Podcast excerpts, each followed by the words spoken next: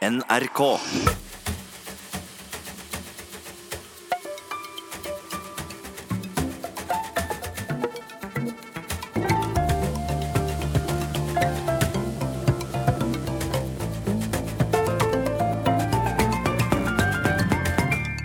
Hallo og hei og hjertelig velkommen til Tore Sagens podkast.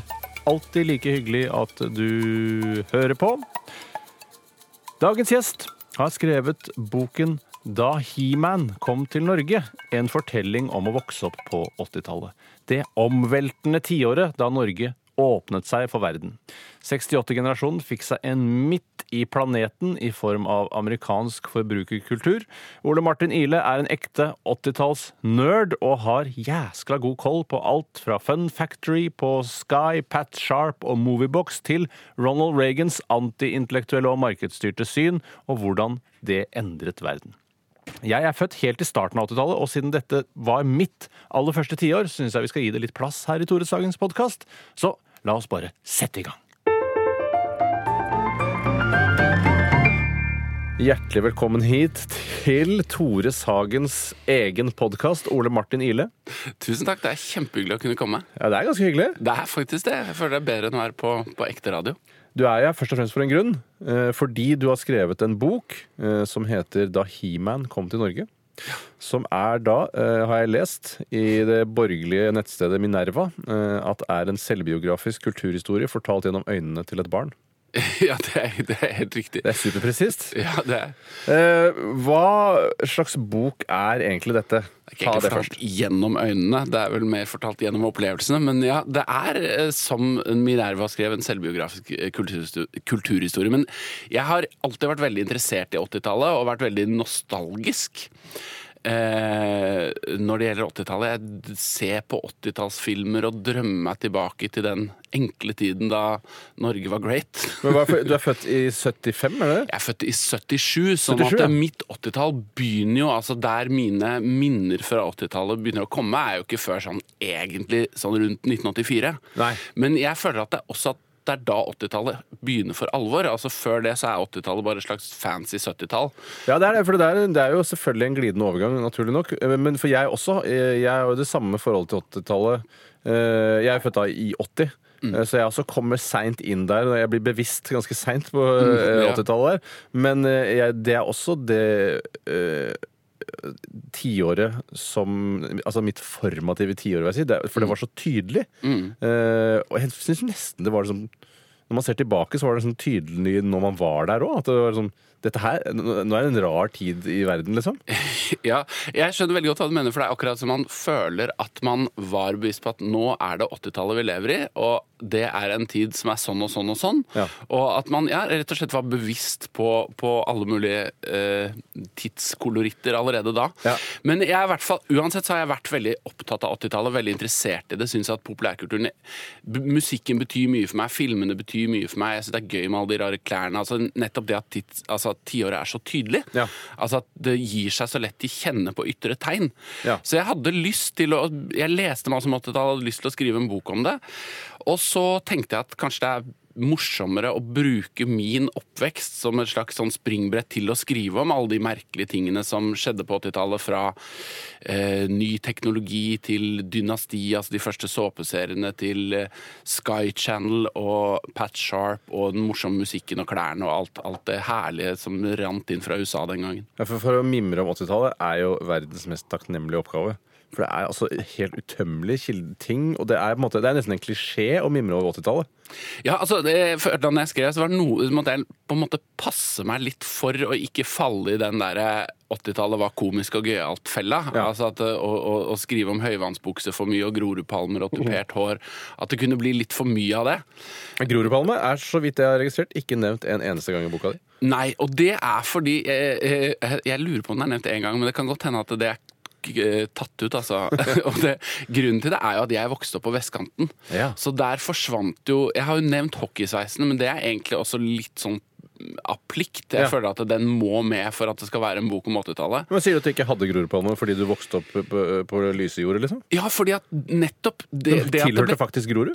Det, det, det her er tilbake til den bevisstheten om tiåret igjen. At det ble jo kalt Grorudpalme allerede da. Det var ikke noe som kom i ettertid. Og vi så veldig ned på østkanten. Dette var, altså Øst-vest-konflikten var veldig present den gangen, Ja. sånn jeg opplevde det. Og Grorudpalm og hockeysveis ble forbundet med østkanten. Så hockeysveisen husker jeg var en kort tid innom, akkurat som rottehalen var det. Ja. Men med en gang det ble en slags Altså at vi skjønte at dette var noe hockeyspillere, for vi spilte jo bandy på vestkanten. Ja.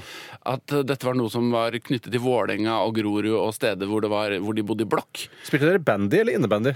Vi spilte bandy. Spilte faktisk bandy? Faktisk bandy, ja. Så det var noen forskjeller. For det, det første eh, jeg tenkte når jeg hadde lest, eller begynt å lese denne boka, er jo at eh, Herregud, så utrolig konform eh, oppvekst man har hatt i Norge på den tiden. I hvert fall i Oslo. Eh, nå har jeg ikke lest noen oppvekstromaner eh, fra 80-tallet fra andre steder av Norge, men jeg kan ikke skjønne at det skal være så veldig annerledes. Det er helt likt, liksom. Alle opplevelsene er helt like. Man får kommandore på samme tid. Man har det samme forhold til alle spillene. Og, nei, det, er, det er utrolig konformt. Og, og det skyldes jo litt at den gangen, og, og, og som nå også tross alt, altså, men enda sterkere den gangen, så var jo alle i Norge middelklasse. Så det som kanskje var forskjellen der jeg vokste opp, for bare å plassere meg, altså min oppvekst i, i geografisk for de som ikke kommer fra Oslo, ja, ja. så vokste jeg opp på, uh, i et Obos-borettslag på Oslo vest. Uh, men rett ved der jeg Og der bodde det flest middelklassefolk. Og Obos, dis- dette Obos-borettslaget kom på slutten av 70-tallet. Og var litt sånn Da var jo ikke boligmarkedet deregulert ennå, så da, de kostet jo Jeg tror mamma og pappa kjøpte det for en treroms for 50 000 eller noe sånt. Hvordan er det egentlig eiendomsmarkedet fungerte før det ble deregulert? Det har ikke jeg helt fått med meg. Veldig mye av det ble gitt ut sånn altså, her, Nå snakker jeg litt uh, over eh, evne her, altså, okay. over hva jeg vet, men jeg tror no, en del sånne boligprosjekter som Selvåg bygde, og sånn, ble loddet ut.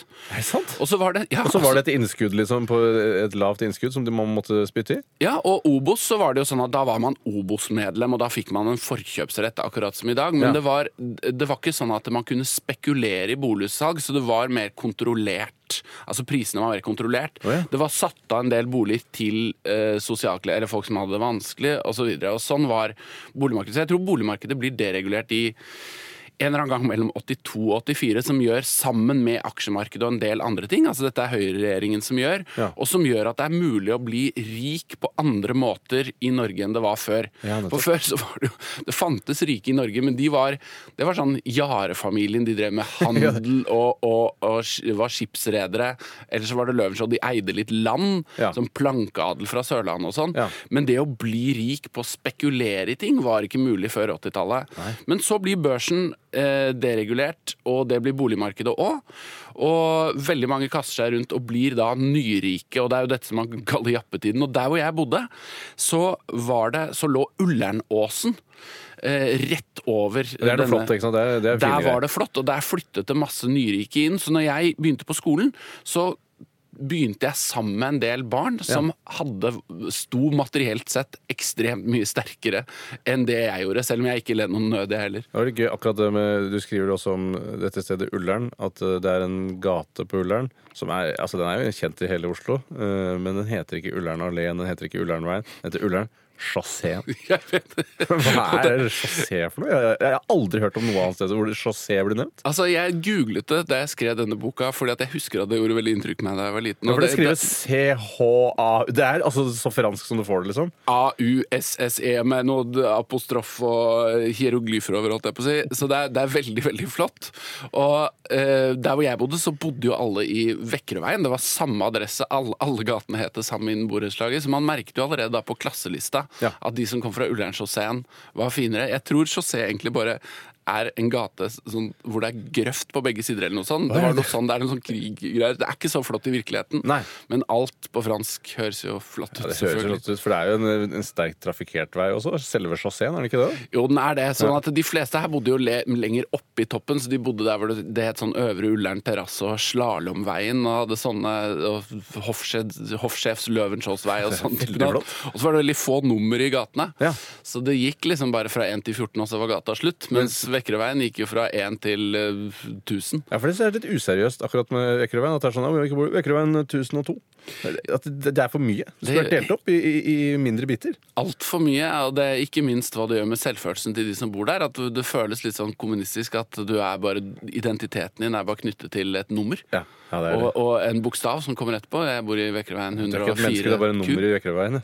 Ja, det var det jeg følte på klasselista. Men så da, øh, Og nå har jo du øh, nesten blitt en sånn go to-fyr når det kommer til 80-tallet, har jeg sett litt nå i media og sånn. Eh, Du har jo skrevet noen greier om 80-tallet, du er veldig opptatt av 80-tallet, og skrevet om Van Halen, som du er glad i. Eh, ta, Filmer og ja, ikke sant. men la oss ta liksom denne, eh, denne mm, transformasjonen som Norge går gjennom på 80-tallet.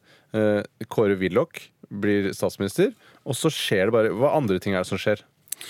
Altså, det Sånn rent økonomisk så er det vel bare det at det, så, så, Der er ikke jeg noen ekspert, altså. Så da må du eh, invitere uh, Einar Lie eller en eller annen Det, kan aller helst vil jeg jo skumme, ikke sant? Jeg Ja, ikke ikke gå i dybden. Jeg skal skumme. Så jeg, jeg tror at det er en del Altså, bankene.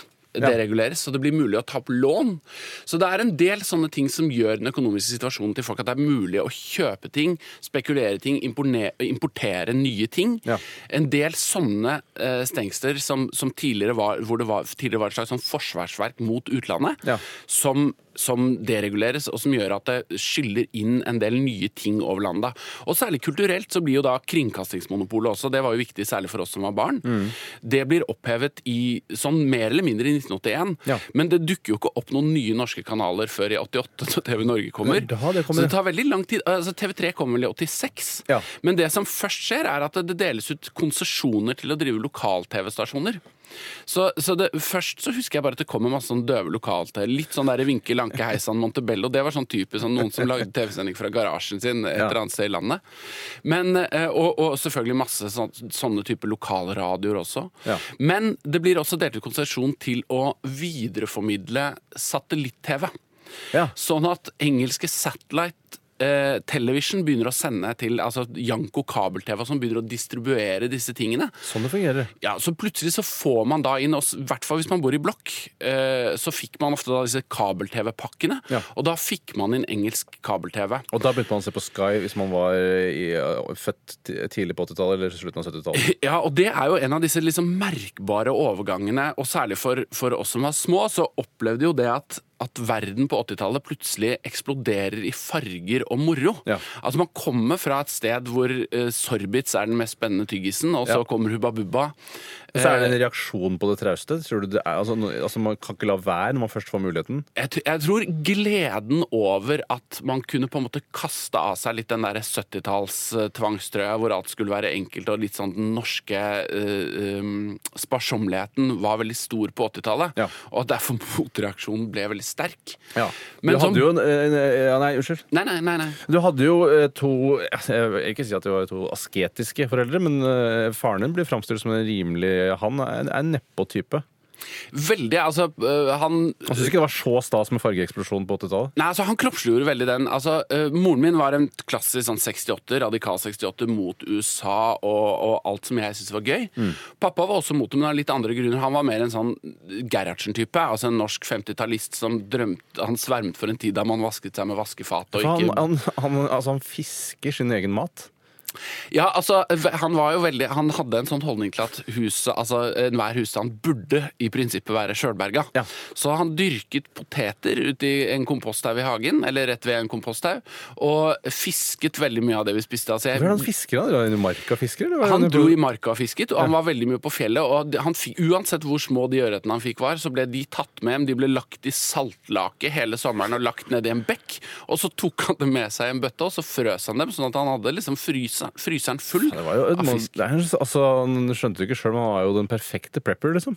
Han, ja, ja, ja, det Han var mangla bare skjul under Nei, han tenkte ikke på det, nei. Nei, så, og Det er egentlig litt rart, for den tiden så var jo atomtrusselen Ja, var et tema, men den var jo mye større. Det var jo bomberom overalt. Det Men kanskje, jeg men kanskje ikke man tenkte så mye på at man måtte være en prepper i og med at man var en prepper fra før av. At jeg, jeg klarer å berge meg sjøl hvis uh, atombomba faller, liksom. Ja det, det- ja, det kan tenkes, men hele den prepper-holdningen var mye mer til stede blant den generasjonen, føler jeg, enn enn nå. Nå legger vi merke til de som er prepper, for de er raringer, men den gangen så Ja, men han, han ville jo fått en bekymringsmelding til barnevernet hvis man setter poteter i hagen nå.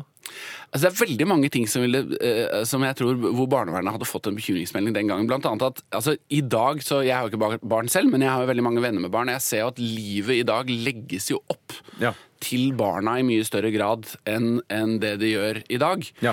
Så jeg husker bare når vi, jeg dro på ferie med pappa, så siden pappa likte å fiske, så dro vi på fjellet Ja. til Hardangervidda. Og da var, jeg, kunne, da var det jeg og pappa i et telt på et vann i Hardangervidda i to uker. Hva, det, du- hva drev du med da? Altså, det, det er, jeg tror jeg fortrengte nesten. Ja. Men jeg tror jeg, jeg hadde med noen He-Man-figurer. For det er utrolig mye tid som har gått mens du har vært i det teltet. Helt vanvittig mye tid. Jeg fiska jo, jeg, og syntes det var gøy. Det var ikke noe sånn at jeg led noen nød, men jeg var veldig glad. Jeg drømte alltid om ferie i byen. Det å komme tilbake igjen til Lysjord og, og kunne liksom sykle rundt i sommervarme gater og treffe venner og, og ha det gøy på den måten. Desto deiligere å komme tilbake til historien.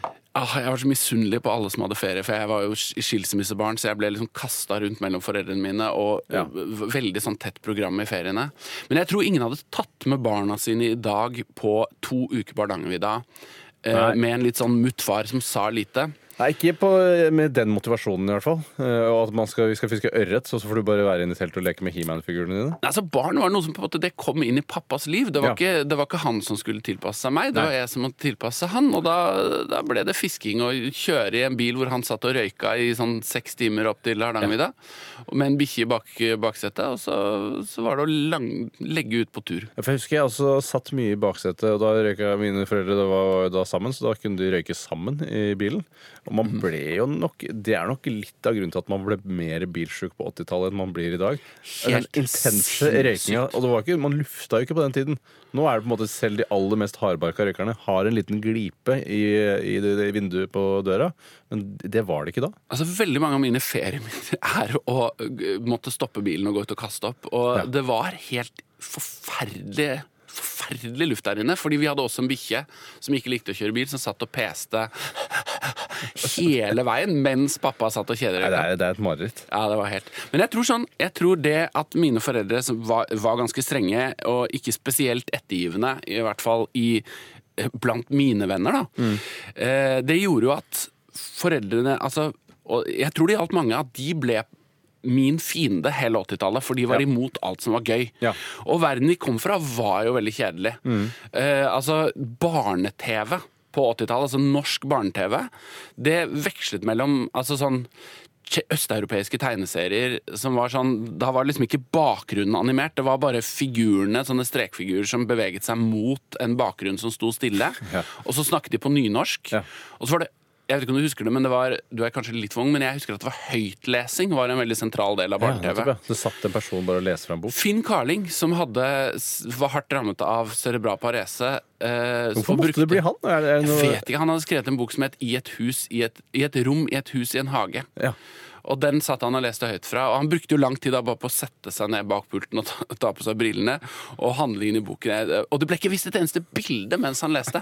Øyvind Blunk kom senere med programmet God bok. Da ble det vist bilder. Ja, Men allikevel bare hele konseptet høytlesing på Ja. barne-TV er jo i dag helt merkelig. Ja. Og så kommer da Sky Channel og engelsk kabel-TV, og hvor du får fire timer tegneserie.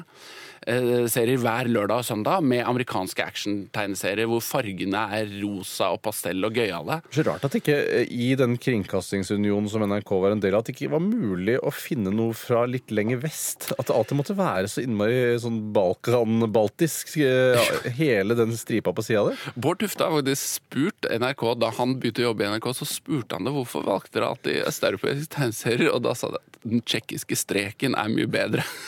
så det, er Det, som er grunn, det er kunstneriske eh, årsaker som ligger i bånn, ja. Og mamma var også veldig opptatt av det at hun syntes at det var så dårlig tegnet, de amerikanske tegneseriene, at hun sånn foraktfullt snakket hun om at He-Man ikke hadde nese. Ja. Det var bare en strek der. Ja, sant Så, det. så det at det var masseprodusert og, og animert på en litt sånn Og det var virkelig billige greier, men det så likevel mye fetere ut, og de skjøt med laser, og det var litt gøyere enn de derre Jeg tenker sånn i ettertid nå, men kanskje den tsjekkiske streken var litt uh, mer sexy. Sånn, kanskje rent kunstnerisk. Helt klart! Ja. Altså, åpenbart mer kunstnerisk, men det var eh, da Altså kontrasten da til, til He-Man og Inspector Gadget og alle disse mm, pl plusje, pastellfargede tegneseriene som gikk på, på Sky. Ja, det hadde sin sjarm, det. Altså, ikke se hvor du slår det. Ja, altså det, det, jeg, vi skjønte jo ikke hva som Jeg kunne jo ikke engelsk, altså barn den gangen kunne jo ikke engelsk. Vi skjønte jo ikke hva som ble sagt. Nei. Men vi, det var bare det at det var så forskjellig, og det bar bud om noe moderne og fremtidsrettet og gøy som kom fra USA. Og som gjorde oss veldig positive til USA. Og USA, der var det Ronald Reagan som deregulerte i huet og ræva. Eh, så vidt jeg har forstått der borte. Altså, han eh, Han hva slags fyr? Jeg har, aldri, jeg, egentlig aldri, jeg har bare sett han sånn i ettertid. Jeg har aldri egentlig hørt han prate, men han er jo ganske gæren. Altså sånn, Ikke Trump-gæren, men nesten Trump-gæren.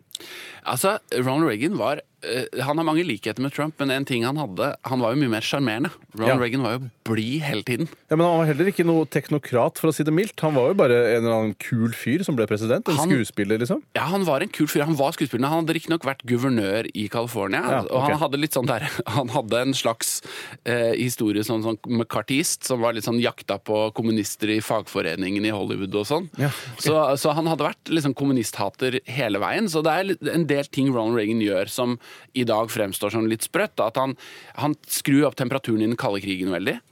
Uh, er veldig anti-Sovjet og, og, og, og litt sånn Evil Empire-retorikk.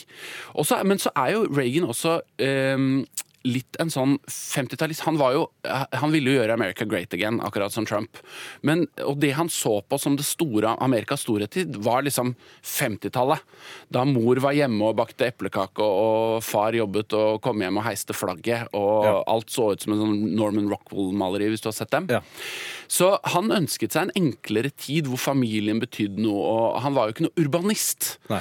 Men så var han samtidig, som du sier, så var han en som deregulerte veldig mye. Han trodde på dette nye liksom, markedsgospelet, som var helt nytt på den tiden. fordi at før 80-tallet så var egentlig alle økonomer keynesianere. Ja. Og det det betyr, er Og det er at å spytte inn penger fra stat og inn i det private. Ja, exactly. Altså de, man tenkte at, at staten skulle regulere hvis det var inflasjon, så skulle staten kontrollere sånne ting med å øke eller minke sitt, sin speng, pengeinnsprøytning i økonomien. Ja. Så staten sto som en sånn sjef over økonomien.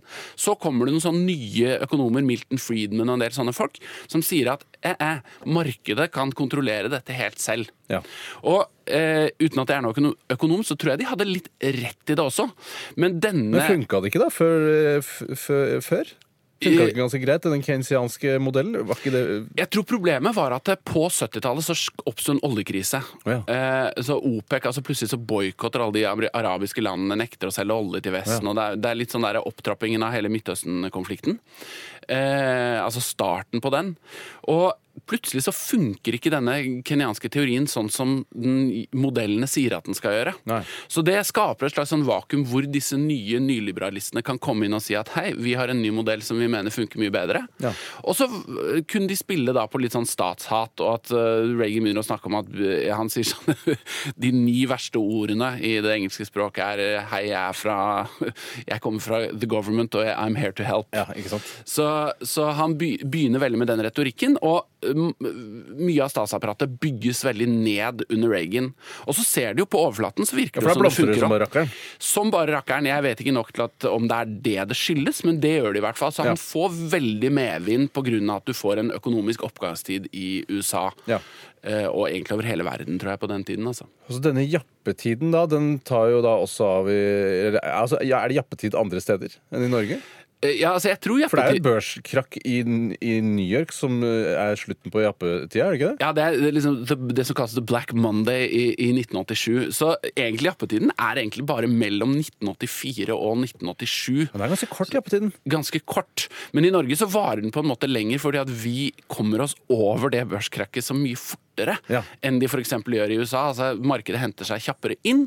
Og 90-tallet var jo på en måte en jappetid i Norge, altså. Ja, det det var bare en forlengelse av det. Ja. Så, og det. Men det som er gøy med hele denne jappetiden og dette begrepet altså Det kommer egentlig fra et ord som var yuppies, som sto for Young Urban Professionals. Oh, ja. Så, eh, og, og dette begrepet dukker opp i 1984 av en eller annen morsom journalist som, som da kom med denne betegnelsen på en ny type yrkesgruppe som er sånne unge karrierejegere. Ja. Og som står i en veldig sterk kontrast til 70-tallets mennesker, hvor på en måte ord som suksess og karriere var litt sånn Ja. Det var ikke noen ord man tok i sin munn sånn I hvert fall ikke som udelt positive. Nei. Og så dukker disse opp, disse folkene som man ser på film, amerikanske filmer fra den tiden, som går, har håret slikt back og går i dress og spiser på restaurant, og noen av dem snakker i sånne store, mm, svære mursteiner av mobiltelefoner. Men, men eh, eh, det morsomme med det er at de er sett veldig ned på også. Men når man ser på det i dag altså ser på, Jeg, jeg har jo lest mye aviser fra den tiden og sett det. Jeg har, jeg har faktisk med et sitat her Ja. fra en norsk avis hvor det er en trendforsker som snakker om jappetiden. Og som varsler at nå kommer det en, en motreaksjon. Ja. Eh, fordi at ja, jappene, Det var liksom ingen som ville vedkjenne seg at de var japper, og de ble ja, mye de, de, utskjelt. de, de var eh, børsfolk, og de kjørte børstraktor og hadde sånn dobbeltspenn dress sånn. Børstraktor som da var gelendevagen Mercedes. Og, Ja, for de, var- de, Det kunne du kjøre i kollektivfeltet med. Det var datidens elbil. Hvis Ja. du hadde mer enn åtte seter, så var det minibuss eller noe. Så da kjøpte alle seg verdens største og farligste biler, og så suste de av gårde i kollektivfeltet. Ja, og det som er så rart, er at når de gjøres narr av, og når, når de da trekker fram det, det som liksom er alle disse eksessene, fordi jappene på en måte kroppsliggjorde da eh, greed is good-livsfilosofien, ikke sant? Og de var grådige, og de brukte penger og, og, og var spradende. Ja. Men det de ser på som eh, eksessene til jappene, og som de gjør narr av, er sånn type ting som løpesko, Ja. de spiser salat, de drikker vin. Eh, sånn lavere middelklassevaner eh, i dag. i dag er vi alle japper, og det er gøy. Det er, her er det da en, en, en trendforsker, skal jeg lese fra avisen, som sier da Nå kommer motreaksjonen på Visvasse med Perrier og, alt det, og at alt skal gjøres på riktig måte, sier trendforsker og direktør Helge Steen i TED Beats. Jeg er litt overrasket at det fantes trendforskere Ja, på i jeg var veldig 1985. 1985. Eh, han går til og med så langt, skriver avisen da, at han forutser en motreaksjon. Ikke bare mot Perrier, men mot salater. Quiche og mysli. Man har igjen oppdaget at en blodig biff med en halvliter pils, eh, med en halvliter pils til er godt, sier Ja. Steen. Så det er så, det er så liksom stusslige, trivielle ting som de reagerer på. Disse. Salat også. Salat var Salaten veldig var liksom ja, nå må det, altså det til, den, Denne trenden kommer til å ta slutt. Salat kan ikke vare evig. Nei, det akkurat- Vin kan ikke vare evig. Så det, det, det forteller noe om hvor man kom fra Ja. før 80-tallet. Altså det, det var en verden hvor det knapt fantes restauranter i Oslo. Så sånn sett var på en måte 80-tallet litt dømt til å skje. Eller det måtte, et, på et eller annet tidspunkt så måtte man få en utblåsning. Eh, og, og da ble det liksom Men eh, for en ting som jeg syns er så rart at du er så glad i, Ole Martin, er den kulturen som var på 80-tallet. Og jeg er enig at Van Halen sånn, det er jo ganske kult, men alt er jo veldig light. Alle filmene er light, handlingene er syltynn, alt er liksom polert. Og så snakker du om han Don Simpson og Jerry Bruckheimer-filmer som bare som, hvor det er null refleksjon. Det slutter bare med at de hopper og bildet fryser, og alle er bare glad. Det er jo, veldig, det er jo ganske dårlig, vil man jo si. Det er jo, Mye av det er jo helt elendig, det er ikke noe tvil om det. Men jeg er, også, jeg er nevrotiker, så jeg er ikke glad i filmer som gjør for sterkt inntrykk på meg. Jeg liker terningkast fire-filmer. Altså at der, Jeg vil ikke føle meg som en sånn oppvridd, oppvridd klut etterpå. Nei, Så, men noe av grunnen til at jeg liker det, er jo nostalgiske grunner. Altså Når man ser disse filmene som du nevner, Brookheimer og Simpson, som var et sånn produsentradarpar på 80-tallet som, som lagde filmer som Top Gun og Flashdance. Og, altså, se de filmene i dag er absurd, fordi de har på en måte ikke noe handling. Nei. Det er bare masse Det er en slags estetikk. Eh, og det er noen montasjer med noe Ja, fete fordi sanger. montasjene er, veldig, de er sentrale og varer lenge. Hvor det bare er sånn når man skal hvile. Det er en, en liten pause. Ja, ofte, jeg, jeg vet ikke med deg, men jeg opplevde det som det beste i filmen. Altså, for, for de som ikke kjenner til hva en montasje er, så, for det brukes jo ikke lenger i, i film, så var det disse feel good-sekvensene som dukket opp hele tiden i 80-tallsfilmer, hvor hovedpersonen da Det ble spilt en fengende poplåt som Ja. het sånn Winner takes it all, saving the day, Og så kjører you're the best. Top Gun kjører litt motorsykkel i solnedgangen. Og, Ja, så var det litt sånn klipp herfra og derfra. Ja. f- Men de- kanskje musikkvideo-ish? At det er derfor det var litt kult også? Det var det, altså MTV-estetikken var jo veldig ny, så det var derfor Første gang dette dukker opp i en film, er jo i Flashdance, som kommer i 1983. Og 83 er akkurat det året hvor MTV har brutt gjennom mainstream. Så det Brookheimer og Simpson skjønner, som lager denne filmen, er jo at faen, folk elsker MTV. vi bare, hva med å bare putte en musikkvideo fiks ferdig er, inn i det er filmen? litt grunnen. Det er derfor de begynte med det. Det er grunnen til at de begynner med det. Og den musikkvideoen kunne jo da spilles i sin helhet på MTV og Ja. holde filmen varm. Og eh, selvfølgelig eh, eh, filmen også da reklamerte for soundtracket. Ja. Og etter den filmen, da, som var bare av en vittig kritiker ble beskrevet som masse musikkvideoer som lette etter en film, Ja. så puttet alle inn sånne montasjer i 80-tallsfilmene. Ja, det- det var kult, og vi koste oss med det, og det var en sånn feel good-sekvens. Men det er, eh, de 80-tallsfilmene eh, skriver litt om i boka at de, de eh, i motsetning til hva man tenker sånn i ettertid, så var det altså, eh, filmer som ofte var mynta på barn. Var det sånn barnekultur? Veldig. altså sånn, Du ser det så innmari tydelig hvis man, eh, hvis man sammenligner med 70-tallsfilmer. Altså, 70-tallet ses jo på som en sånn gullperiode i Hollywood, og du har Gudfaren og Hjortejegeren og Ja, ja. Carrie og Eksorsisten og alle, alle disse filmene her. Og det er jo filmer som er lagd for voksne. Ja. Det er et voksen publikum, og, og, og på den tiden så var liksom drama den store sjangeren i Hollywood. Uh, og det som skjer altså Dette begynner allerede på 70-tallet, men du får uh, altså, Vannskillet er på en måte når Steven Spielberg lager 'Haisommer'. ja. Når er det den kommer, da? Den kommer i 75. Ja. Og det er for det første, så det er jo ikke egentlig en barnefilm, det heller. Men det er et vannskille fordi at det er en, en, en blockbuster som er en sjangerfilm. Det er på en måte en monsterfilm som tjener inn like mye penger som altså, Eller mer penger. Det er den første filmen til å breake 100 millioner dollar. Oh, ja. Så den tjener inn umulig, u, u, ufattelig mye penger. Så hele det snur på en måte Og så kommer Star Wars da, som åpenbart er en barnefilm. Ja. Eh, noen år etterpå, og det snur hele studiomodellen i Hollywood på, på hodet. At de begynner å satse på ok, vi spytter ikke inn, inn eh, pengene våre i Kleopatra og store Nei. kunstneriske dramaer, eller gir det til sånne autørfolk som Coppola. Vi spytter det inn i sjangerfilmer. Ja. Og Spielberg og Lucas er noen som har vokst opp på en måte med TV, og som er som meg veldig nostalgiske når det gjelder barndom, og ønsker å lage filmer som overvelder folk. Ja. Og det man så, så Spielberg er jo, ikke sant, lager jo etter dette eh, Nærkontakt av tredje grad, han lager ET. Det er filmer som er veldig barnevennlige. Og det man skjønner er fordelen med å lage filmer til barn, det er jo at barn ser filmer om igjen. Ja.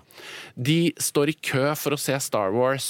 Altså barn og unge snakker jeg om da, da. Ja, ja. Men, Men- ja, Star Wars er jo det du ble også nevnt i boka, som synes var artig at uh, Lucas blir latterliggjort av de andre de tunge 70-tallsregissørene når han forteller om plottet til Star Wars, eller presenterer manuset, som jo egentlig ikke er rart i det hele tatt, for det er jo helt ko-ko. Det er helt ko-ko, og de ler veldig altså, eh, Brian De Palma som er en av altså, Alle de store 70-tallsregissørene er på denne visningen, for Luke, eh, George Lucas Og det er visningen av filmen, er det det der? Ja, altså Det er en første visning Ja. før den er gitt ut.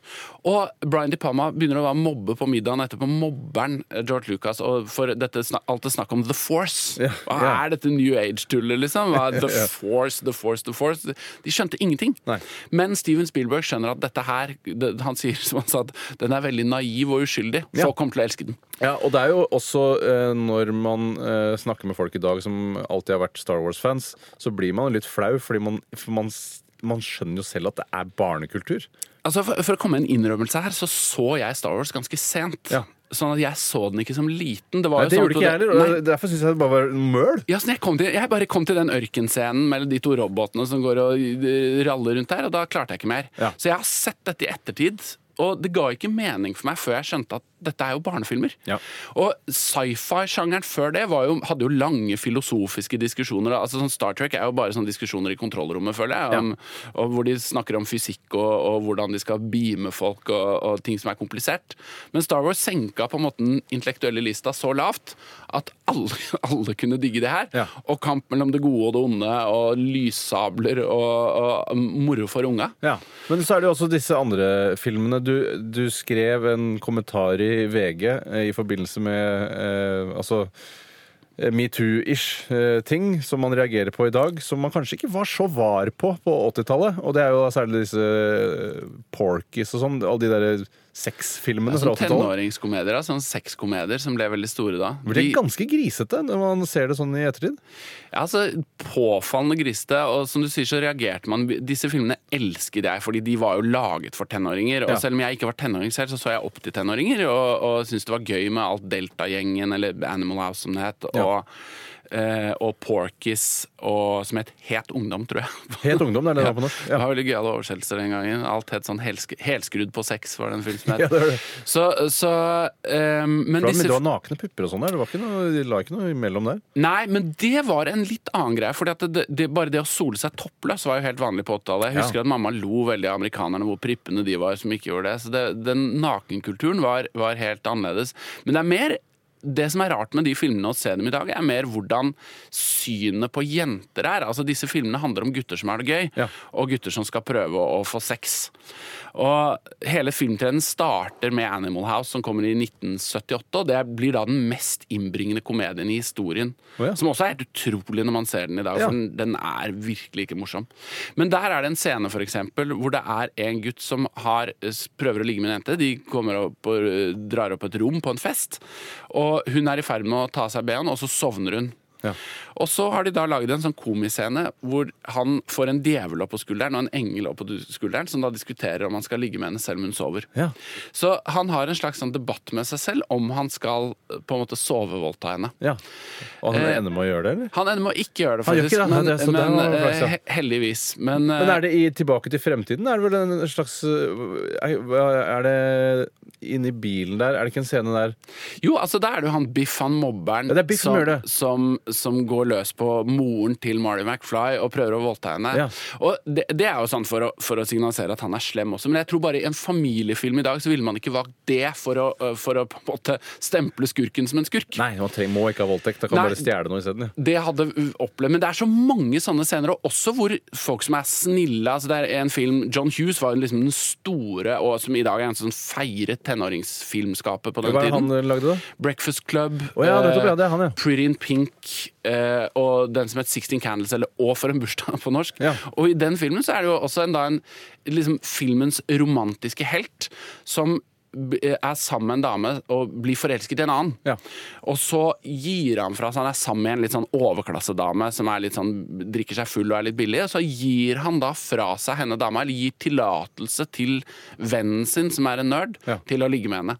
Så han bærer henne ut i en bil over skulderen og ligger med henne i den bilen, da. Eh, og det er tommel opp. Ja, det, ja, det er, Revenge of the Nerds er det en annen sånn scene, hvor det er en som kler seg ut som Darth Vader og later som om han er kjæresten Ja. eh, til da uh, fi, uh, Altså kjæresten til skolens fineste dame.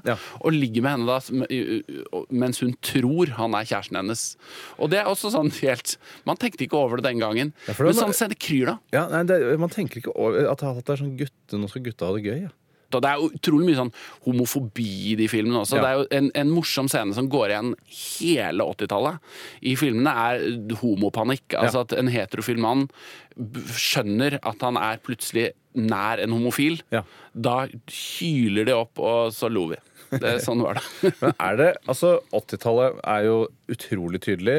60-tallet er tydelig, eh, 70-tallet er tydelig, og 90-tallet er tydelig. Men så begynner det å skli ut. Er liksom sånn eh, tiår med identitet Er det litt eh, Kommer det ikke mer av det?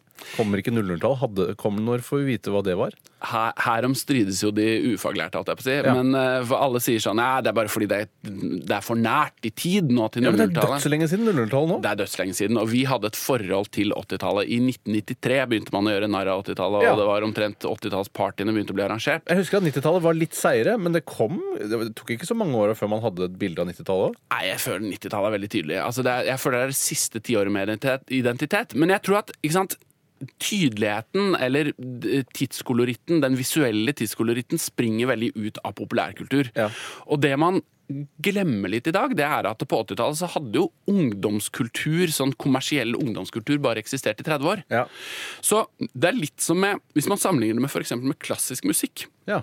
så er jo den veldig tydelig fram til en eller annen på 1900-tallet, Ja, og så bare eksisterer alt om hverandre. Ja. Og sånn tror jeg det er blitt litt med populærkultur nå, uten at man helt vil innse det. Mm. Så får man veldig tydelige perioder fra 50-tallet, 60-tallet, 70-tallet, 80-tallet. 80-tallet er jo på en måte den tiden hvor populærkulturen blir massekultur. Altså hvor det, hvor det blir så hyperkommersielt. Og at før det så var populærkultur noe du oppsøkte. Ja.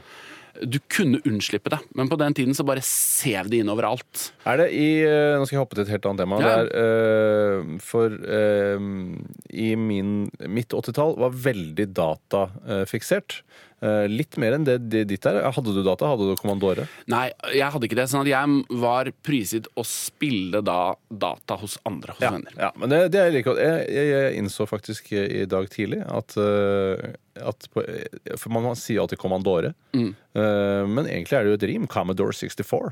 Er det det? Er, det? jeg vet ikke. Heter, vet ikke. I, i engelsktalende land må det hete Commodore. Ja, det heter Commodore, og vi sa Commodore. Ja. Så ja, nei, det, det, Commodore er, 64. det er jo et rim, ja. Ja, det er faktisk et rim. Det er det. Jeg, vi fikk Amiga 500 da jeg ble litt, men da ble jeg litt sånn, det var akkurat sånn i overgang. Jeg spilte det mye en periode på Ja. 90-tallet. Ja. Og så ble broren min, som var yngre enn meg, ble han som tok over eh, datainteressen. Amiga var jo helt fantastisk. Det var en da rå det spillmaskin. Sett inn disketten, det gikk av seg sjøl.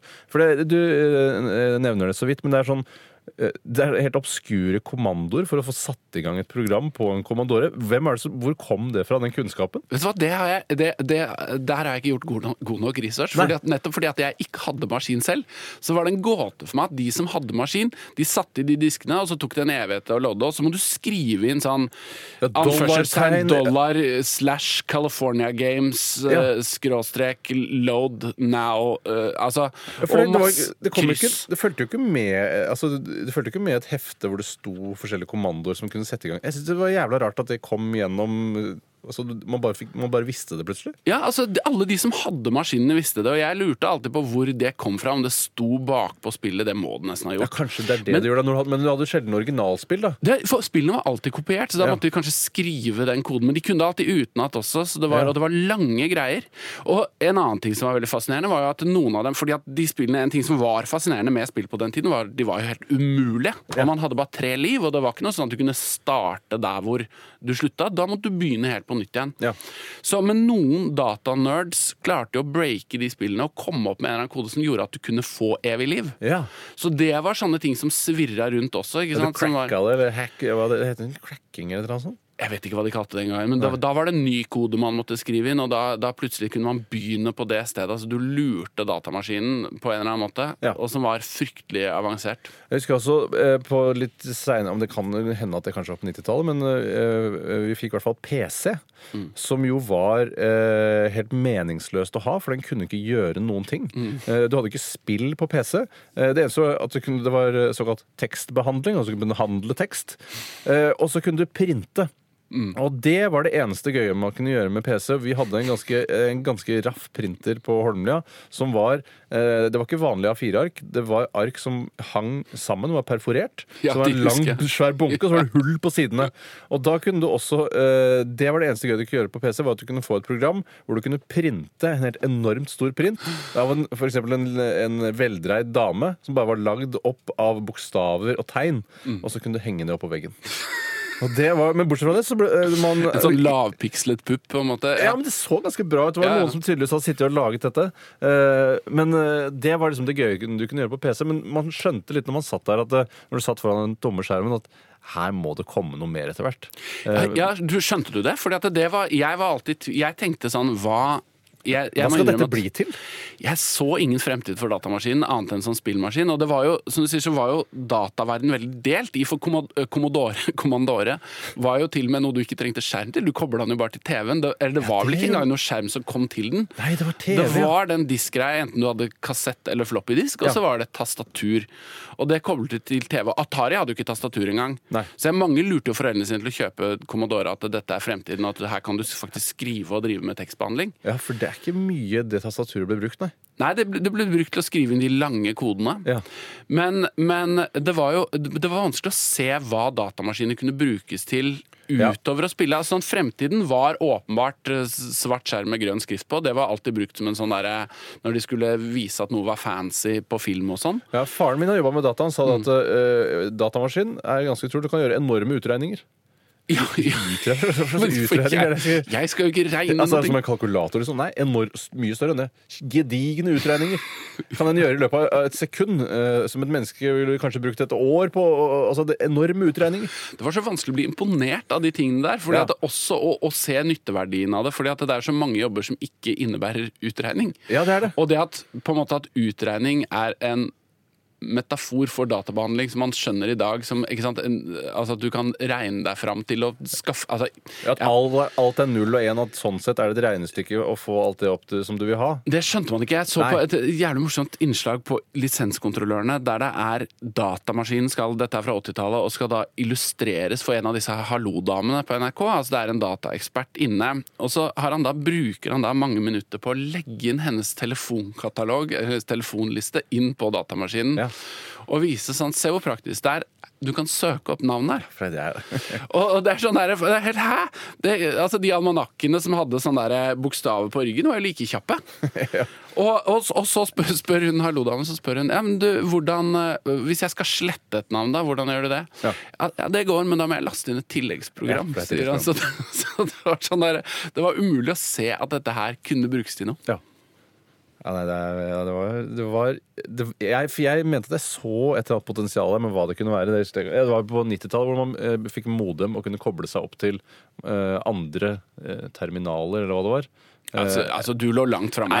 Vi var langt framme, faktisk. Ja, du kom fra en datafamilie, helt åpenbart. Fordi Ja. at det sånn, og det var jo en annen ting den gangen. var jo at Vi så jo så jævlig ned på alle som kunne noe med data. Ja. Altså, Datanerds var liksom, det var en egen kaste i skolegården. Ja. Og det var en sånn, ja, sånn utpreget antiintellektualisme på 80-tallet som, som ga seg på en måte klareste uttrykk, i hvert fall i sånn skolegårdpolitikk, Ja. på at de som fikk gode karakterer, og særlig de som kunne noe om data annet enn å spille, de så man veldig ned på, Ja. og de ble mobba. ja, det er riktig, det. Det var en tung tid for meg. Det var ja, Ble du mobbet for det? For Nei, det er, jævlig ikke, men det er litt fordi man også hadde uh, Commandore og masse spill, så var man på en måte populær. Uh, og, men jeg fikk jo aldri Nintendo og sånn, så jeg ble stuck bare med det datagreiene. Men når kom egentlig Ninte- for Nintendo NES-systemet, det fete med Super Mario, det det duck hunting og sånn, kom jo i 1986. Ja, det kom så tidlig, ja. Men jeg husker det ikke fra egentlig fra før 90-tallet. Altså at da ble det veldig stort i Norge. Men det er mulig det er en lag der, hvor jeg, eller at jeg husker feil. Ja, nei, så det kom, kom det så Nei, Jeg også mener at jeg ikke fikk det før på 90-tallet. Nei, nei, Eller det var fikk da- oppleve det. Det var da det ble, ble stort. Ja. Men det er sånn for å, for å hoppe altså den der, Det at man så så ned på folk som kunne ting, det var også en sånn veldig en betegnende Hvis man skal sammenligne Reagan og Trump igjen, Ja. så var også det en interessant ting med Reagan, er at han var så Han, han var nok ikke fordi at antiintellektualismen i USA har lange røtter, men han var den første som presidenten, moderne presidenten som slo veldig politisk mynt på det. Ja. At han var veldig sånn 'jeg er en mann av folket', og, og spøkte med at sånn, nå som han blitt president, skulle karakterkortet hans bli top secret. Ja. Og skrøt at han var en dårlig student som bare fikk seer. Eh, han var såpass trumpete. Han var veldig trumpete, og også på den derre litt sånn eh, hele greia med at fake news Altså at han kunne tøye fakta veldig. Ja. Mye mer enn man kan det. Jeg har faktisk en, et sitat jeg har lyst til å lese, som jeg syns er så Ja, gøy. Men eh, fordi at det, eh, det er sikkert ikke så mange som husker Iran-kontraskandalen, men det var en skand, politisk skandale i USA som holdt på å felle Reagan. Eh, Da de hadde solgt våpen til Iran, hvor det satt noen amerikanske gisler, og pengene ble brukt til å støtte Ja. kontra en sånn opprørsbevegelse i Nicaragua. Og det var eh, mot alle noen regler Kongressen hadde satt ned, og brudd på noen internasjonale ting og sånn. Og det, det var liksom, det holdt på å ta Reagan ned. Og Reagan sa at dette her eh, vet jeg ikke noe om, vi har ikke gjort det. Og når det da kommer fram at det blir bevist at han har gjort det, så sier Reagan A few months ago, I told the American people I did not trade arms for hostages. My heart and my best intentions still tell me that's true. Yeah. But the facts and evidence tell me it's, it is not. Så på en måte allerede den gangen Han var på en måte tidlig ute med Hvordan reagerte folk på det? Var det litt sånn Ja, jo da, er i hvert fall Hjertet er på riktig sted, liksom. Jeg tror, altså jeg er litt usikker, for jeg fikk jo ikke dette med meg på den Nei. tiden. Så dette er jo bare fra en Reagan-biografi. Men, men Reagan var veldig populær. Altså, Og hadde større popularitet helt åpenbart enn det Trump har. Så han kom unna med veldig mye. Men han hadde også en annen sjarme enn Trump. Når Reagan ble tatt for faktafeil, så hadde han veldig mye humor på det. Ja. Han klarte å spøke det bort. Eh, Det var sånn, det var en gang han ikke visste hva B1-fly var. Ja. Som er noe bombefly eller et eller annet sånt. Og da liksom kødda han og sa det var Jeg, tro, jeg trodde det var vitaminer til, eh, til troppene. Ja. Og sånne ting. Det, folk digga det. Han var charming og morsom og klarte å liksom gjøre en karakter ut av uh, sin intellektuelle tilkortkommenhet. Men tror du, ikke tror du Trump kunne fungert som president på 80-tallet? Altså, Trump er jo var... Ville de reagert såpass positivt på han eh, allerede da? Altså, I og med at det, det kan jo hende, liksom. Trump var jo populær på 80-tallet. Ja. var Da var han jo faktisk populær-populær. Ja. Altså, det er jo da hans karriere begynner. Han bygger Trump Tower i 83. Og han er jo helt klart et ektefødt barn av jappetiden. Ja. Og han delte jo Reagans litt sånn eh, hans sans for show og underholdning. Han likte å liksom, Han skrev Trump i store bokstaver utafor bygget, og det var, det var mye flash rundt Trump. Ja. Men han var også en som på en måte plutselig kunne gå inn og kuppe et prosjekt i Central Park og la, som hadde ligget brakk, og eh, fikse en offentlig skøytebane der. Det, det gjorde han jævla kjapt, ja. Ja, kjempekjapt. Og da New York Times skrøt av han, og det var god stemning rundt Trump da. så det er kan sånn doers, da, alle sammen. Trump åpenbart ble sett på som en doer og som en ny type businessmann, en ny type helt. Fordi Reagans narrativ den gangen var jo at det er de rike som er samfunnets hjørnesteiner. Ja. Det er de som skaper arbeidsplasser. Det er derfor vi må gi skattelette til dem. Ja. Så vil det trickle down. Og Trump var jo så, sånn at suksess var et bevis på at du hadde gjort noe for samfunnet. Ja. Og Trumps suksess ble åpenbart at de liksom sett på som, en, eh, som at han var en, eh, ja, en samfunnshelt. Ja, nettopp. Har du funnet ut hva WASP står for?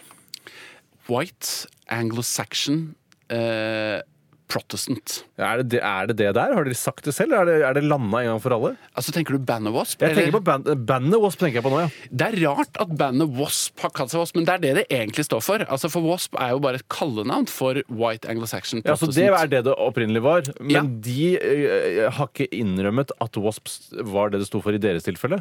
Aner ikke hva Wasp, bandet Wasp sto for. Jeg husker bare at jeg var livredd for Wasp. De så så skumle ut og hadde spindelvev på Ja, de var jævlig, jeg husker at Tremenningen min på Vestlandet mente at det sto for We are Satan's people. Det, men det er sånn, altså det var jo den derre eh, satanic panic, som det ble kalt i USA på den tiden, spredde seg veldig til Norge. Ja. Og det var jo mye frykt for satandyrkelse og okkultisme og spiritisme. Ja, og, for det var, det, var, det var nok litt mer reell frykt da enn det det er nå. Nå er det avfeid som noe teit.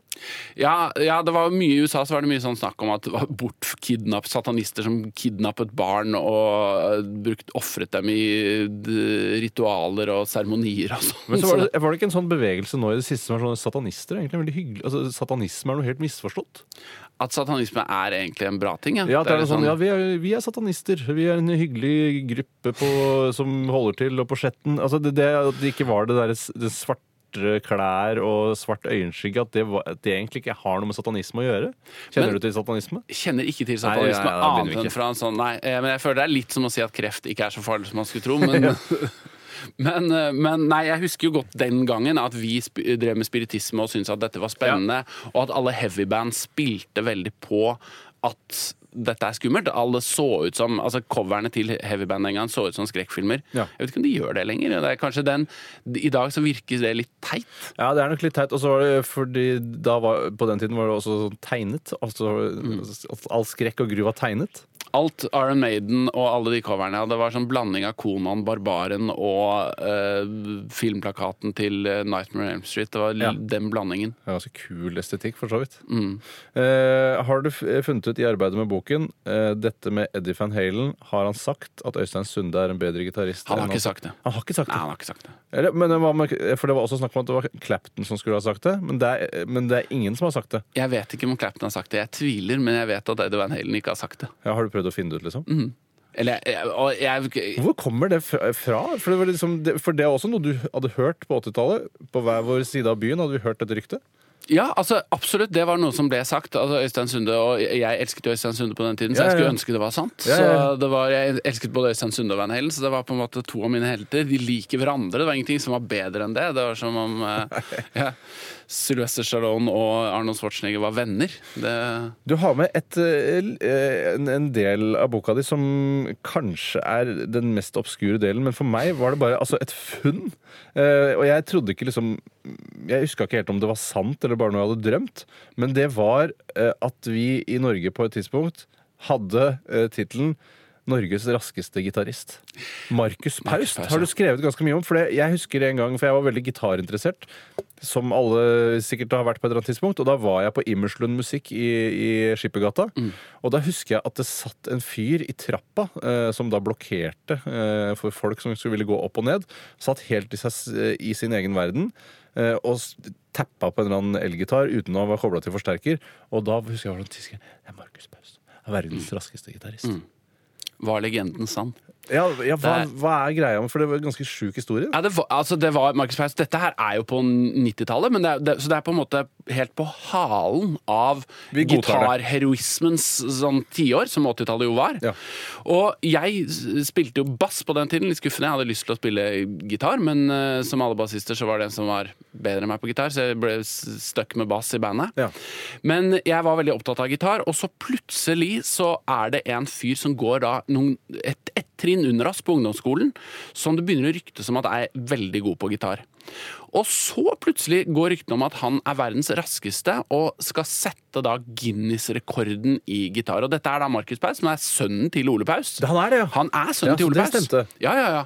Og han øh, setter da verdensrekorden i gitar. Men hva, hva Eh, slags spilling. arrangement er dette hvor han gjør dette? Nei, altså, i, i, Han drar opp i Røa kirke, der var ikke jeg, men han drar i Røa kirke og så spiller han, setter han en rekord på da Er det en maskin? En datamaskin? De kan regne veldig, veldig veldig fort. For det er også, også en innretning som jeg, jeg, jeg gjerne skulle sett. Ja, altså, Hvordan de telte det, aner jeg ikke. Men det ble da telt. Han spiller da, begynner, og så spiller han så fort han bare greier. Og da spilte han hva er det han gjør da? Bare, altså, bare, det er fingrene som skal gå så fort som mulig. Ja, det er det som det, er antall toner i eh, sekundene som blir telt da. Og han klarte da å spille 466 toner i sekundet. Og det var jo ingen som trodde på det. Nei. Og jeg, vi dro opp til han, og øh, opp til gutterommet hvor han satt og øvde 16 For dere timer i døgnet. du hadde kjente noen som kjente han? Eller Han, nei, han gikk jo på skolen under meg, sånn at jeg, vi tok, jeg og en kompis tok bare kontakt med han. Da kunne man bare dra opp, ja. Ja, og bare spurte sånn, kan ikke vi komme hjem, vi må se på dette her, vi må høre deg spille. Ja. Så vi ble med opp eh, på gutterommet hans, og der han øvde seriøst 16 timer om dag, eh, i døgnet. Han var helt sånn På å bli rask, først og fremst? Ja, altså han var jo Ja, for, eh, det må det jo nesten ha vært. Ja. Men jeg tror det å spille hurtig falt veldig naturlig for han. Altså at han hadde et eller annet fysisk talent som gjorde at fingrene hans løp fort over gripebrettet. Ja. Men det som var så rart, var jo at eh, når du hørte han spille, så hadde han Så så du ikke eh, altså Det gikk så fort at du klarte ikke helt å se hånden som for opp og ned over altså, gripebrettet. Altså, jeg, nå, nå, tu- nå tuller jeg ikke, det så litt sånn tåkete ut. Og det, man klarte jo ikke å høre at det gikk fort. At når, du, når du, du hører altså, Øret klarer ikke å skille mellom så mange toner. Nei. Så det hørtes bare ut som en sånn sinustone. Sånn Som beveget seg opp og ned på halsen. Så det, det låt som en sint veps. Ja. Helt, det kunne ikke brukes til noe som helst. Og bare for å foregripe litt begivenhetens gang her, så var nok ikke det sant at han spilte så fort. Den rekorden er, er sletta i dag. Er? Så i dag så er den på 44 toner i sekundet, eller 20 eller 40 eller et eller annet sånt. Det er Ja, for det kan jeg bli med på. Men det er, men, men, øh, men det har du fått bekrefta at det var et, øh, et verdensrekordforsøk i Røa kirke? Ja, det var det. det, var det. en representant fra Guinness og en lensmann eller hvem det er ja, som ja. Så han var i Guinness rekordbok. Det fikk jeg det, Og han var det, ja. det, Det finnes et eksemplar hvor det står. Det fins et eksemplar hvor det står, men nå er det blitt sånn at de skal spille For det, dette var en helt ny rekord. Ja. Så nå skal de spille et eller annet Chopin-stykke eller et eller annet sånn, og det er måten det gjøres på. Men Nettopp. han bare friimproviserte. Så det kan hende det stemte at han spilte at det, øh, altså, Ifølge det telleapparatet at det var så mange toner inni der. Jeg tenker jo at det er fysisk umulig. Og det rare var at når han satt der oppe, så sa han når vi traff på rommet, sa han nå spilte jeg 1000 toner i sekundet. Fordi at den tellemaskinen var ikke bra nok, så måtte, han måtte legge bånd på seg. Ja. For å, han kunne ikke spille så fort han kunne, for det greide han ikke telle. Jeg skjønner jo at man måtte revidere statuttene i den hurtiggitaristkonkurransen. det, det er helt åpenbart. Altså, det var en Og han jeg husker, Det ligger dessverre ikke på YouTube lenger, men det var altså hele hans gitarkarriere kom til et, eh, en slutt på et sånn svensk talkshow. Hvor han da ble dratt inn i en litt sånn der lørdag-aktig aktig show, hvor han kom inn med kappe. Han svingte bak seg liksom som tryllekunstner og skulle da demonstrere hvor fort han kunne spille. da. Og så husker jeg han programlederen var så kjip, han bare lo av det. Han syntes at det var at Markus var litt sånn one trick pony. Ja, så han var mer altså, en gitarfreak som de hadde fått inn, snarere enn en musiker. Det, virke, det var et freakshow for han, og han ville høre det om og om igjen. Og Markus prøvde å si sånn jeg, jeg kan spille sakte også. For en trist endelig. Men hvor, da, hvor, da, hvor er det blitt av Markus Paus? Nå er han, og det er jo den gledelige nyheten her, at nå er han komponist. Og Ja. en respektert komponist som skriver romantisk musikk, tror jeg, i, i? Norge i dag. Ja, det, skriver masse. Baser- er det mye hurtighet involvert? Jeg tror faktisk ikke det. Jeg tror han har tatt et lagt oppgjør med hurtigheten det. bak seg. Jeg tror han har lagt hurtigheten bak seg. Ja. Hvorfor eh, Har du gjort deg noen tanker om hvorfor eh, pornoen ble gravd ned i skogen? For det også tenkte man jo også at eh, dette er helt unikt eh, for min oppvekst på 80-tallet. Pornoen finner man i skogen. Det har blitt en klisjé å snakke om. At mm. den ble gravd ned. Folk lagra porno i skogen. Eh, og så viste det at det gjorde du også. Eh, hv- hv- hvorfor gravde man ned pornoen i skogen? Altså, Vi gravde jo ned porno i skogen fordi at vi skulle gjemme den for foreldrene våre. Men det som var rart, var at man plutselig Så dere var en av de som gravde For jeg Ja, men mener at vi- de gravde bare opp andres porno. Vi, vi, for man kunne jo bare gå rundt i skogen og se etter liksom litt uh, unaturlige formasjoner i Ja. mosen, eller noe sånt, og så løfter du på, så er det porno der. vi, skal jeg si, vi hadde en hytte hvor vi gjemte det, så vi gravde ikke ned i skogen. Men vi fant porno i skogen og i grøftekanter og alle mulige steder. Og jeg husker ikke jeg, jeg Noen ganger så var det gravd ned, andre ganger så bare lå det et sted. Det var Ja. som bare det var en pornosamling som var dumpa der. Men den pornoen dere hadde, hvor fikk dere den fra? Hvor kom den fra? Skogen.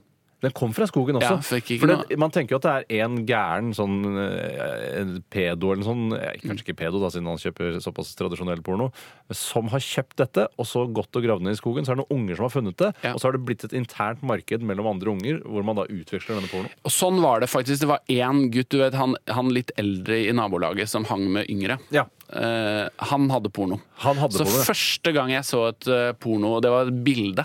Så fikk vi det fra han. Da var det Jarle, het han. Ja. Og han, eh, han var litt sånn som jeg, hadde yngre venner. Og sånne folk er jo alltid litt tvilsomme. Han hadde selvfølgelig porno, og viste det til sine yngre venner. Ja, det var jo for eh, Man hadde jo et lite forbund som visste man visste jo alle hvem det var som visste at pornoen var der. Så hvis det f.eks. mangla et blad en dag, så er det sånn der, en, altså en Agatha Christie-situasjon. Man må finne ut av hvem det er som har tatt den pornoen, for ingen ville innrømme det. Uh, For det var, man, ville jo, man vil jo egentlig ha det med seg hjem. Selvfølgelig vil man ha det med seg hjem. Altså det, og det gjorde vi. hadde jo sånn hjemlånssystem. At når vi fant en sånn ting, så var det, kunne man ha det en uke hver. Oh, ja. Og, og drive nærstudier, på en måte. Ja, det var litt smartere. Det var, ja, ja, ja. Men det var fascinerende at både det der jeg aldri skjønt fordi at det, jeg har, Min hypotese har vært at det har vært ø, menn som har gjemt det der for, uh, For kona, kona. ja. Eller blitt tatt på fersken og måtte dumpe pornosamlingen sin. Ja, altså, nå, kan, man kaster jo heller ikke nå porno. kvitter du deg med det der. Ja. Men det var jo det var virkelig vanskelig. Man, og det å kjøpe porno sånn nede i byen og sånn turte vi aldri. Nei. Så for det var også en frykt for at man kunne bli bedt om legitimasjon for å kjøpe porno, som ville være bare altså, det, doble den nedrigheten. Ja, altså, det, det, det gikk ikke, Vi turte aldri det. Så det var et sånn svartebørsmarked hvor dette gikk sånn på, mellom hendene på litt eldre barn ofte, og så nedkrøp ned til oss. Ja. Men det var så vanskelig å få tak i det. Jeg husker sånn der, jeg vet ikke om du spilte, du som var datamann, om du spilte du eh, Larry? Leisure Suit ja, ja, Larry? Hvor du da måtte først gjennom en, en eh, kontroll for å sjekke om du er gammel nok. Ja, med veldig rare spørsmål som var veldig lette å breake. For de sjekket det, jeg glemte det, men jeg, da jeg gjorde ja, research i boka, det så de ligger sånn på YouTube. Voksenkultur. At det er sånn derre er det, Virker at dette er en Neil Diamond-låt-aktig? Føler jeg at det var Og så måtte du klare det. Altså, Fuck, jeg kom ikke inn i dag! Det er akkurat det. Jeg tror ikke at det er Neil Diamond. er Christopher Cross ga ut følgende skive. Men eh, ja, sånn var det. Og, men eh, det rare er at det spillet hvis du, Det går an å spille det i dag, for alle disse spillene er jo lagt ut. Det er jo Ja, ja. utrolig kjedelig. Men det var jo et, et Quest-spill Ja. som var litt nytt og fresht. Mm. Men jeg husker at det var veldig spennende å se de sexscenene som til og med var sensurert. Ja. Selv om det var så dårlig oppløsning på det at det var helt klin umulig å se hva som foregikk. Ja, for Narrativet var stort sett at han skulle finne damer som han skulle ligge med. Men også, eh, som jeg husker som var det gøye, for det, der han starter, det er i en sånn bar, eller utenfor en bar. stemmer Eh, og der er det, Da kan du gå inn i baren og drikke, og så kan du gå på do. Men så er det også en dør du skal inn. Og når du kommer deg inn der, eh, så i andre etasje her, tror jeg, så er det en dame. Og så først må du finne passordet til denne døra, som er Ken sent me, for de som lurer på det. Og så kommer du deg opp, og der skal du ligge med en dame. Men hvis du ligger med henne, da får du aids og dør. Dette husker jeg ikke. Nei, så det du må gjøre er at du må ta taxi til en, et pharmacy, og der må du kjøpe kondom, for da kan du ligge med henne. Da har du klart oppdraget, og får ikke aids. Og da fortsetter questen videre. Faen, for en, for en det var- tidsspesifikk Altså sånn det har med alt, liksom. Ja det, ja, det har virkelig med alt. Eh, Altså, Aids-skrekken var jo Man var jo veldig redd for å få aids. Fryktelig redd for å få aids. For det- det, var, ja. for Man var- visste jo ikke helt hvordan det smitta heller. Nei, det var det. Husker du hva spekulerte spekulert i mygg en periode? Ja, det var det. Ja, det, og spytt var jo en, en uh, mistenkt smittebærer. Ja, så var det bare homoer som fikk det, var det ikke det? Jo, altså det var jo, det ble jo kalt gay-related immune deficiency, først GRID. Het det det? Det var det det het før det het aids. Men så, og så var man jo, det var jo Jeg leste jo om dette her. altså Første gang jeg tror første gang noen døde av det i Norge, var i 83. Det var en homofil. Eh, Odd Kåre Rabben, eller? Ja, det var vel det. Ja, jeg lurer på det. Mm, mm. Men så ble det da, selv om man visste på, I 83 så tror jeg man visste at det kunne smitte fra kvinne til mann også. Ja. Men da første gang det skjedde i Norge, så slo Aftenposten Posten det stort opp og skrev 'aids overført fra kvinne til mann' som overskrift. Det er altså de milepælene i Aftenpostens historie. Han negeren som tok toget til Bodø. Er ikke det noen som har en neger observert, eller noen neger med på toget? Ja, ja, ja, ja. Eh, og, og første gang aids går over til fra mann til kvinne. ja. Men det er veldig gøy at det var sånn, ja, det tids, for det var ting man var redd for. Var liksom, det var atomkrig, Ja. aids, kidnapping var Ja. veldig stort på den tiden, husker jeg. Og det var allerede før Therese-saken så var det en svær greie. Ja. Det gikk, tror det var mye sånn historie fra England og USA som, som kom. Det var, I USA så var det den tiden det begynte å dukke opp sånn eh, barn på melkekartongene. Ja, nettopp. Og, og så var det en tid hvor media eksploderte veldig. altså Hvor du fikk CNN og alle disse 24, altså den 24-timers nyhetssyklusen. Mm. Og de skjønte at sånne bortføringshistorier og sånn var veldig bra mat Ja.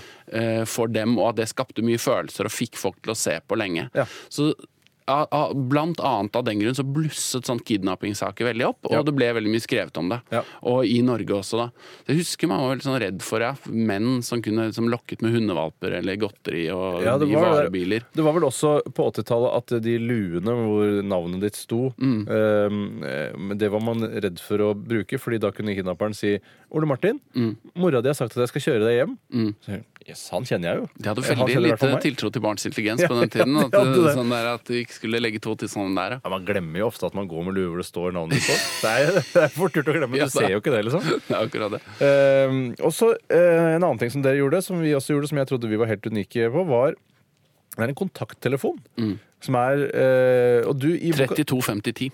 Fordi greia var at vi hadde en fyr i vår gjeng som eh, på en måte eide eh, den, den delen av det.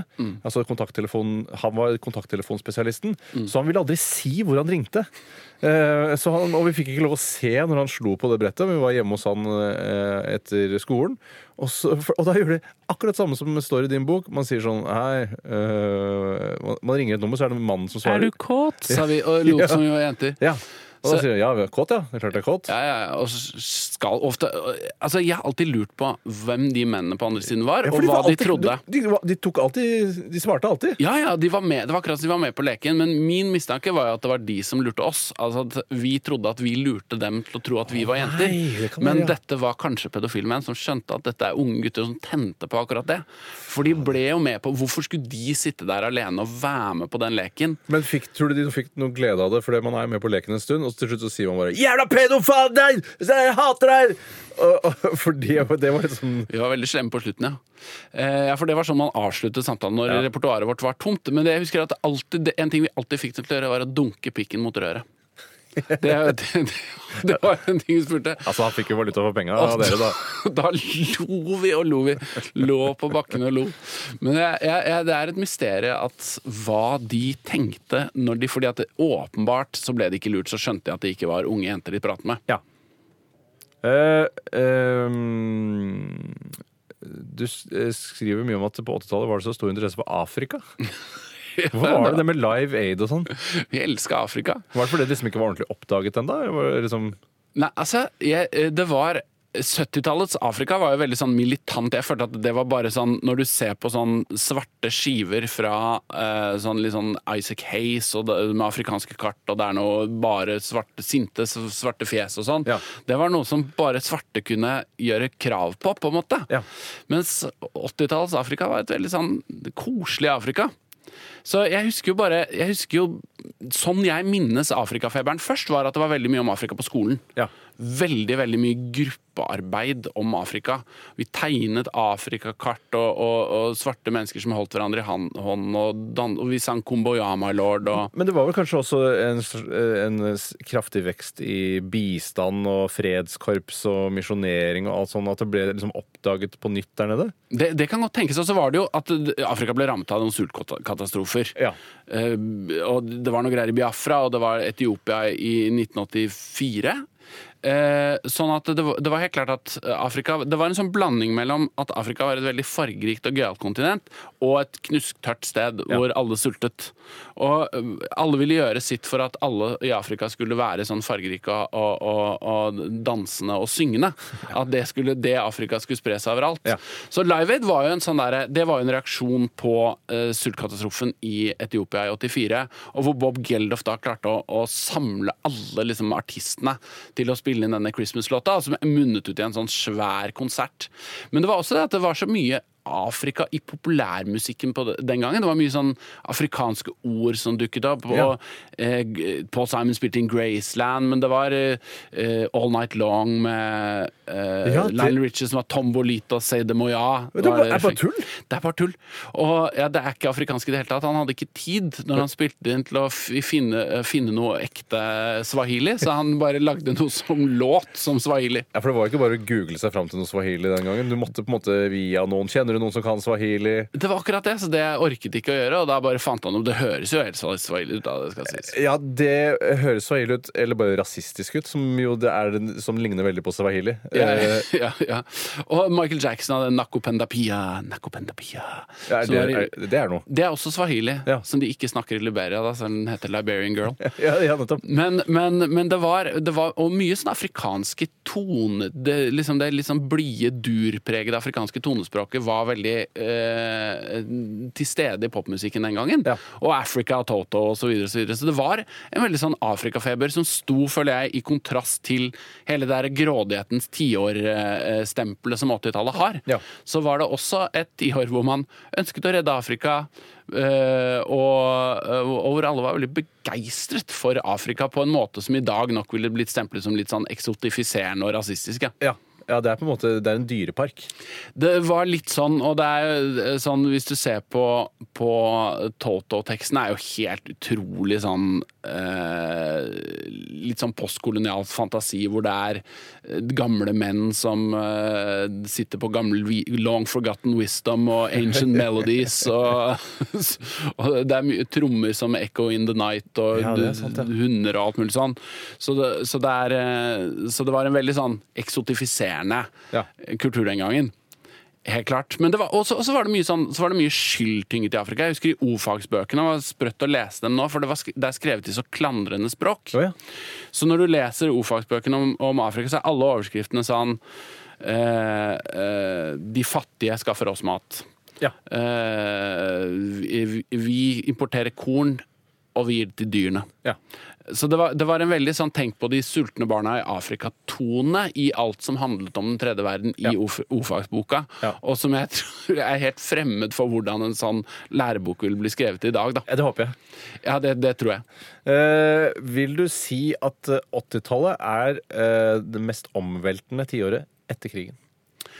Eh, åh, jeg føler at jeg er på tynn is hvis jeg sier det, men jeg sier ja, jeg. Ja, du gjør det. Jeg- jeg- Litt fordi det er ditt tiår også? Du er litt partisk her, kanskje? Litt fordi det er mitt tiår også. Ja. Det er jo fort gjort å si 50-tallet også, og, og 68-erne vil sikkert si at eh, eller kulturrevolusjonen Eller kulturrevolusjonen er feil å si, men altså vil si at eh, 70-tallet og slutten av 60-tallet med hippiebevegelsen var det. Ja, men det var men liksom ikke så omveltende det på én måte, samtidig som det var på en annen måte. Jeg tror kanskje det var mer omveltende verdimessig, men på 80-tallet så har du en sånn Det at du får du får jo begynnelsen på den digitale revolusjonen. Ja. På den. Du får datamaskinene og, og mobiltelefonene og sånn hjemmeteknologi som griper om seg overalt Ja. på en annen måte, og som er starten på vår verden på den måten. Ja. Du får også hele med jappetiden og og at menneskene omformes, og nordmenn i særdeleshet, til moderne forbru forbrukere. Ja. At luksus blir noe alle har råd til, mat er noe man spiser fordi det er sunt og trendy, ikke bare fordi det er nødvendig. Ja.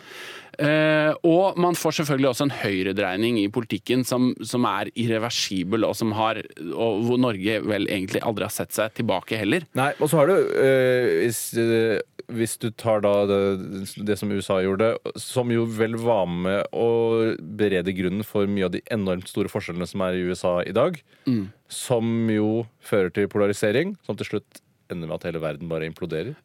Ja, altså, Sånn som det ser ut nå, i hvert fall. Starten på det du ser i USA nå, er veldig lett å føre tilbake til 80-tallet. i hvert Ja. fall. Altså, det er da høyrepopulismen og kristenkonservatismen, ikke minst, eh, eh, gjør sitt inntog i amerikansk populi eh, politikk. Eh, og ja, Reagan er helt klart en sånn en, en første beveger av den og, og på veien til Trump. Ja.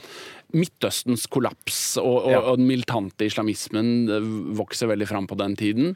Så det er mange sånne storpolitiske trender som helt åpenbart preger den verden vi lever i i dag, Ja. i veldig stor grad. da. Ja. Skal ikke, i hvert fall, altså, om ikke annet, ikke fei 80-tallet under teppet. Ikke gjør det. Det, det vil jeg se dumt. Vet du hva, Ole Martin? Jeg tror vi skal gi oss for i dag. Det har vært veldig hyggelig å ha deg her. Kjempehyggelig å være her. Eh, kom gjerne tilbake hvis du henger deg opp et nytt tiår. Ja, Hvis jeg skriver om 90-tallet, ja, det må jo bli det siste tiåret med signatur. Ja, for det er jo det er et trist og ikke så veldig omveltende tiår. Det er, en, det er en, en, et støttetak i verdenshistorien. Det er, ja, eh, Samtidig som jeg føler 90-tallet er veldig gøy, men jeg, er litt, sånn, jeg har litt ærefrykt for å gå løs på det. Fordi at jeg føler at det er så mange av de som hang på head-on, som har så mye meninger om det. Ja, ja, det- Så jeg føler det er så fort gjort å trå feil med Ja. 90-tallet. Det er det var ikke sånn det var. Var du ikke med på utekulturen, så har du ikke noe du skulle sagt. Det er akkurat det. Ja. Nei, men eh, Takk for at du kom, Ole Martin. Du, hjertelig takk.